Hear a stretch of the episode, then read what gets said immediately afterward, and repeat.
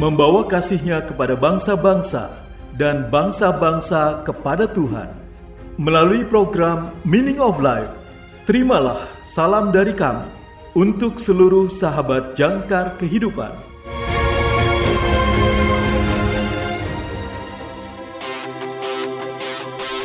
Jangkar kehidupan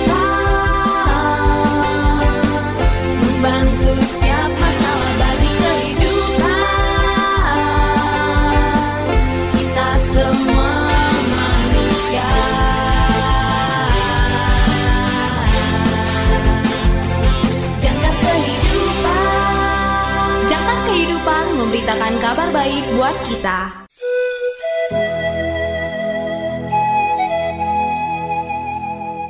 Salam dalam kasih Kristus. Selamat berjumpa kembali sahabat jangkar kehidupan dalam program renungan Meaning of Life. Renungan kita hari ini adalah renungan masa Advent. Renungan berjudul Belas Kasihan yang Tidak Diminta. Ditulis oleh Dr. Karivo. Nas Alkitab diambil dari Lukas pasal yang ke-1 ayat 35 sampai dengan 38. Lukas pasal yang ke-1 ayat 35 sampai dengan 38. Jawab malaikat itu kepadanya, Roh Kudus akan turun atasmu dan kuasa Allah yang maha tinggi akan menaungi engkau. Sebab itu anak yang akan kau lahirkan itu akan disebut kudus, anak Allah. Dan sesungguhnya Elisabeth sanakmu itu, ia pun sedang mengandung seorang anak laki-laki pada hari tuanya. Dan inilah bulan yang keenam bagi dia, yang disebut mandul itu. Sebab bagi Allah tidak ada yang mustahil. Kata Maria, sesungguhnya aku ini adalah hamba Tuhan. Jadilah padaku menurut perkataanmu itu. Lalu malaikat itu meninggalkan dia. Sahabat jangkar kehidupan yang terkasih, perhatikanlah bahwa Gabriel memberikan informasi tentang sepupu Maria, Elizabeth. Dia memberitahu Maria bahwa Elizabeth hamil enam bulan dan menambahkan tidak ada yang mustahil bagi Tuhan. Mengapa dia melakukan ini? Sahabat jangkar kehidupan, saya pikir karena beberapa alasan. Yang pertama adalah belas kasihan Tuhan yang tidak diminta. Maria mempercayai Tuhan, tetapi dia tidak memiliki bukti. Hal itu merupakan pengalaman pribadinya selama beberapa waktu. Tanda-tanda awal kehamilan juga bisa menjadi tanda dari hal lain, dan satu-satunya tanda kehamilan yang benar-benar dapat dipercaya adalah bertambah cepatnya. Pertama kali sang ibu merasakan gerakan bayi yang belum lahir, itu waktu yang lama untuk menjalankan iman saja. Maka Tuhan memberi Maria sesuatu yang konkret yang akan berdiri sebagai tanda bahwa janji Tuhan sedang berlangsung. Tuhan melakukan lebih dari itu. Maria pasti bertanya-tanya apa yang harus dilakukan selanjutnya. Tuhan memecahkan masalah itu untuknya dengan menyarankan tempat perlindungan. Dengan Elizabeth hamil, Maria memiliki alasan yang masuk akal untuk meninggalkan rumah sementara waktu. Elizabeth pasti membutuhkan bantuan, dan kunjungannya akan memungkinkan Maria beberapa bulan membiasakan diri dengan keajaibannya sendiri, berpikir, berdoa, dan mendiskusikan situasinya dengan Elizabeth dan untuk melewati ketidaknyamanan di kehamilan awal. Demikianlah Tuhan kita, Dia melihat apa yang kita butuhkan bahkan sebelum kita memintanya. Inilah juru selamat kita yang datang ke dunia untuk menyelamatkan kita dari kejahatan. Ketika kita tidak cukup tahu untuk meminta kepadanya, karena Dia mengasihi kita. Glorious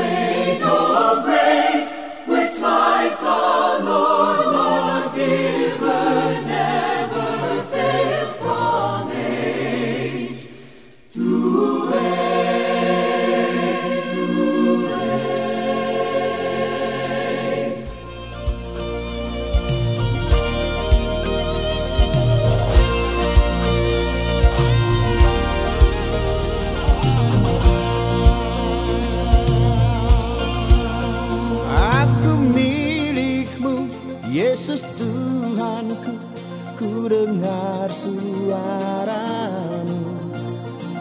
Ku merindukan datang mendekat Dan diraih olehmu. Raih daku dan dekatkanlah pada kaki salibu Raih dekatkanlah ke sisimu Tuhanku.